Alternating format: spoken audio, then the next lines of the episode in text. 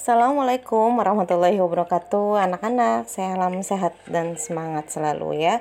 Oke, berjumpa lagi bersama Ibu Tia di kelas Biologi 11 IPA 1 Kali ini di Spotify kita akan bahas tentang soal yang terdapat pada bab ekskresi yaitu di LKS dan juga di buku paket. Untuk LKS halaman 27 sampai 28 dan terima kasih kalian sudah menjelaskan semua di forum ya sudah menjawab beserta alasannya. Terima kasih semua ya. Oke, dan kita akan bahas satu persatu ya. Jadi nanti ketika kalian mendengarkan Spotify ini kalian sambil buka GCR kalian sehingga bisa tahu mana jawaban yang benar atau yang masih belum pas.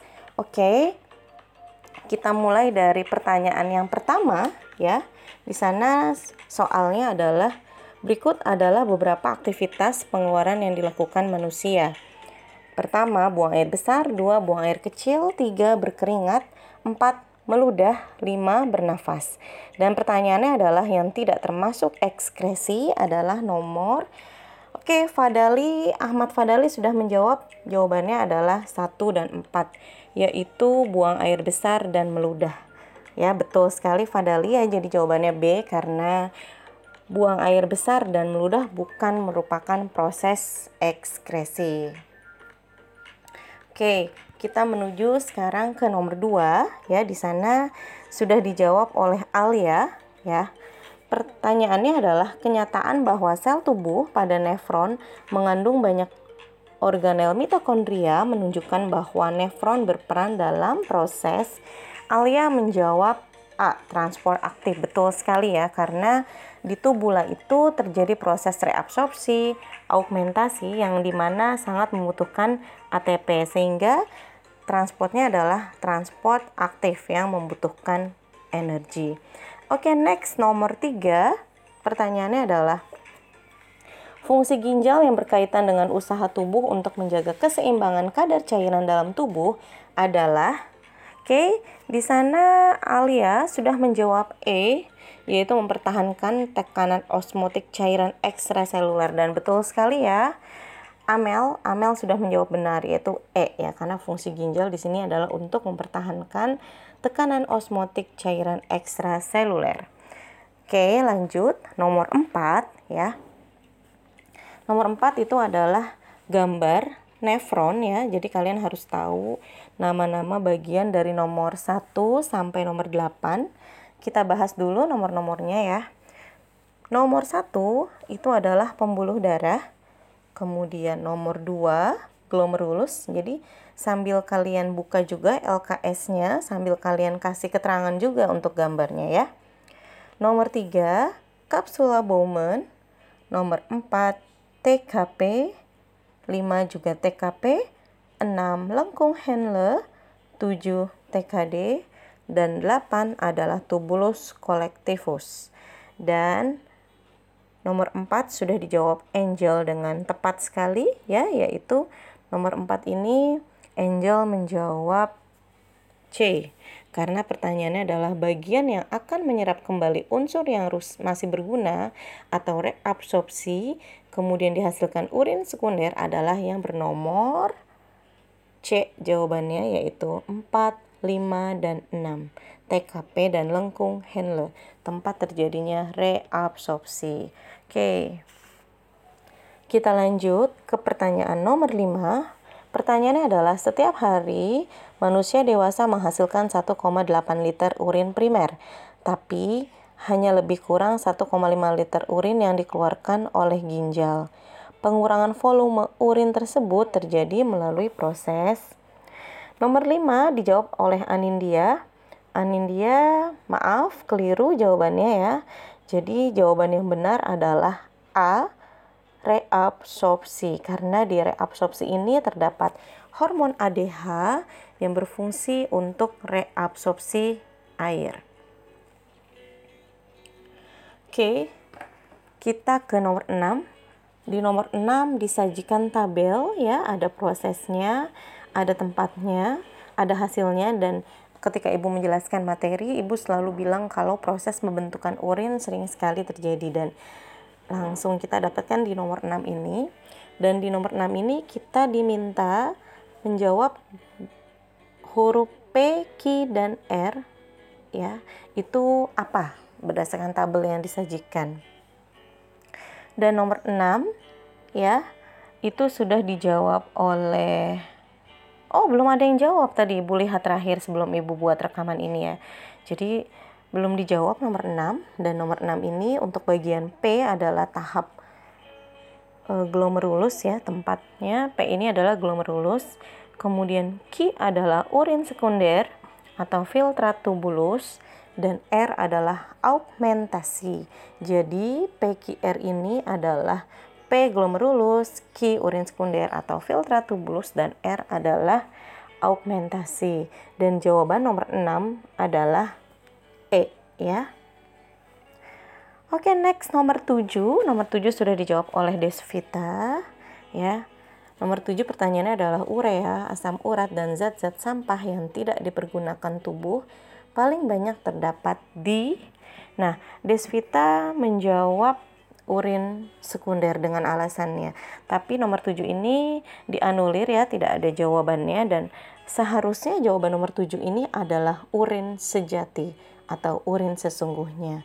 Ya, karena kalau urin sekunder belum ditambahkan zat-zat yang tidak dibutuhkan oleh tubuh kita.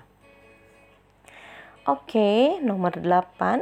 Pertanyaannya adalah sebelum dikeluarkan dari tubuh, amonia hasil deaminasi dirombak dahulu menjadi Oke, Bu jelaskan dahulu.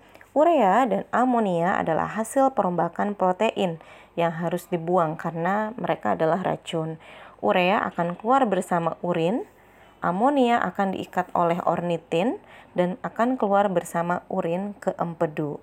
Dan di sana sudah ada Devi yang sudah menjawab, tapi mohon maaf Devi, jawabannya keliru dan nomor 8 yang benar jawabannya adalah C, ornitin.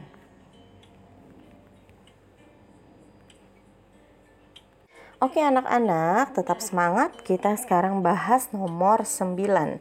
Nah, nomor 9 juga di apa disajikan tabel ya. Kita harus tahu untuk huruf A, B sama C itu apa? Ibu bacakan dulu soalnya ya. Dalam tubuh manusia, urea urea dihasilkan oleh organ A. Nah, urea ini dihasilkan oleh organ A. Organ A di sini adalah hati dan dipisahkan dari darah melalui proses filtrasi oleh organ B. Organ B di sini adalah ginjal serta disimpan sementara sebelum diekskresikan dari tubuh oleh organ C. Organ C adalah kantung kemih atau vesika urinaria. Dan sudah jelas A, B, A, B dan C sudah dijawab benar oleh Fornalita yaitu jawabannya adalah E di mana A adalah hati, B adalah ginjal, C adalah kantung kemih. Oke, nomor 10 ya. Paru-paru melakukan ekskresi zat sisa berupa CO2. CO2 tersebut merupakan sudah dijawab nomor 10 oleh Hafiz dan jawaban Hafiz benar yaitu E sisa metabolisme zat makanan di mitokondria. Seperti yang sudah kita tahu kalau proses respirasi sel adalah C6H12O6 atau glukosa plus oksigen ya akan dihasilkan H2O plus CO2 plus energi. Jadi jelas jawaban nomor 10 adalah E. Oke, nomor 11. Nomor 11 sudah dijawab oleh Inayah. Ya, terima kasih anak-anak yang sudah sangat aktif menjawab soal latihan bab ekskresi ya yang sudah Ibu sediakan di diskusi forum GCR. Jadi hari ini ketika kita bahas kita tinggal menyamakan saja baik atau masih betul apa betul atau kelirunya. Jadi kita tahu jawabannya ya. Oke, nomor 11 soalnya adalah hati adalah organ yang multifungsi, di antaranya berhubungan dengan proses pencernaan makanan dan pengeluaran. Dalam pengeluaran sisa metabolisme protein, fungsi hati adalah ya. Ibu akan jelaskan dahulu. Hati itu mengandung enzim arginase. Enzim arginase ini merubah protein menjadi asam amino arginin.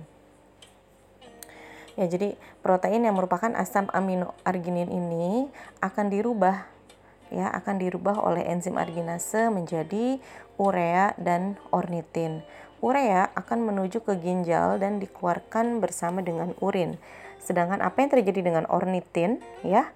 Ornitin ini akan mengikat amoniak dan CO2 dan akan menjadi citrulline.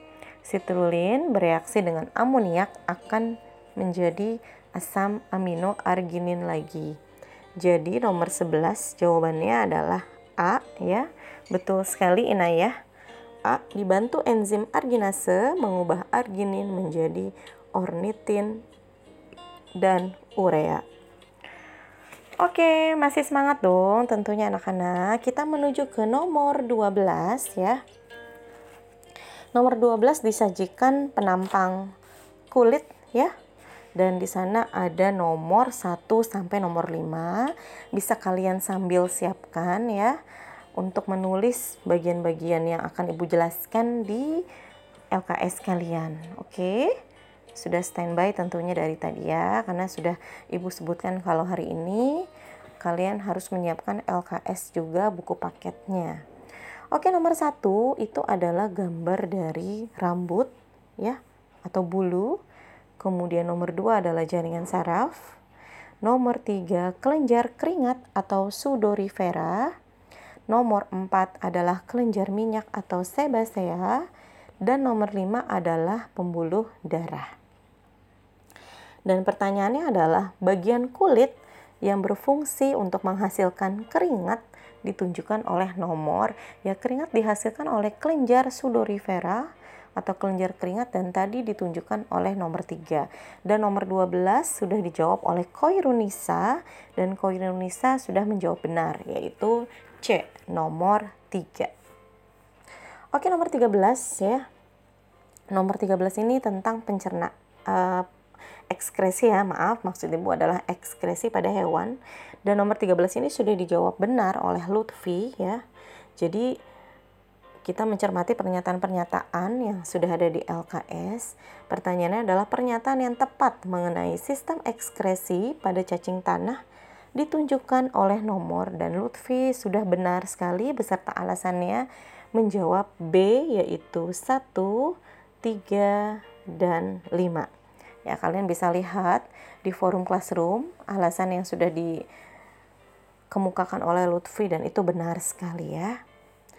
Oke, nomor 14 ya, ini adalah soal tentang hasil lab kesehatan seseorang ya. Di sini adalah hasil pemeriksaan darah Pak Amir menunjukkan data sebagai berikut. Jadi kandungan bilirubinnya sangat tinggi, SGOT dan SGPT-nya juga mengalami peningkatan, terdapat peningkatan pada alkali dan juga terjadi peningkatan kolesterol dan kalian harus mengidentifikasi apa yang terjadi pada Pak Amir tersebut. Ya, jadi kalau kita lihat dari hasil labnya, Pak Amir itu mengalami gangguan fungsi hati karena memang SGOT dan SGPT-nya juga sangat tinggi. Nah, SGOT dan SGPT itu adalah enzim yang terdapat pada hati. Jadi kalau misalnya organnya rusak, maka enzim akan keluar dari sel organ tersebut dan akan menuju pembuluh darah dan ketika dites maka sangat tinggi gitu karena memang terdapat di dalam pembuluh darah. Tapi tidak cukup sampai di sana. Kita lihat di sana terdapat peningkatan kolesterol dan juga peningkatan alkali dan ini jelas ini ada hubungannya dengan empedu. Jadi yang dialami oleh Pak Amir Meike sudah menjawab dengan benar ya. Jawaban Meike adalah C yaitu terjadi penyumbatan saluran empedu. Jawabannya yang benar ya. Oke, kita menuju nomor terakhir yaitu nomor 15. Di sana soalnya adalah apabila kadar glukosa di dalam urin seseorang sebesar 15%, orang tersebut memiliki potensi menderita penyakit Sudah dijawab oleh Najla dan jawaban Najla adalah diabetes mellitus atau kencing manis, yaitu kondisi di mana urin seseorang masih mengandung glukosa. Ya, harusnya glukosa ini sudah direabsorpsi ya, tapi ternyata tidak karena mengalami gangguan pada organ pankreasnya, mengalami kegagalan memproduksi insulin ya sehingga tidak bisa dirubah glukosa atau kadar gula dalam darah menjadi glikogen atau kadar gula otot. Oke, sudah dijawab benar oleh Najla ya. Jawabannya adalah D, diabetes mellitus. Oke, sekian ya untuk pembahasan LKS dari nomor 1 sampai nomor 15 untuk soal-soal yang ada di buku paket ya. Kita langsung bahas di diskusi forum classroom saja ya.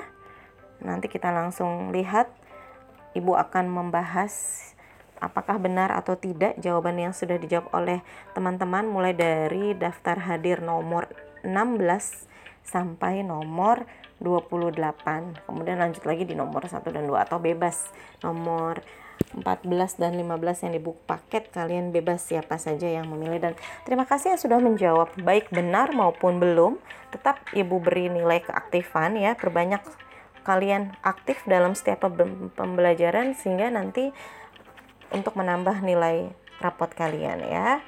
Oke, terima kasih atas perhatiannya. Kita lanjut ke forum diskusi GCR ya untuk menjawab dan membahas soal yang ada di buku paket. Terima kasih atas partisipasinya. Mohon maaf atas segala kekurangan. Salam sehat dan selalu semangat. Wassalamualaikum warahmatullahi wabarakatuh.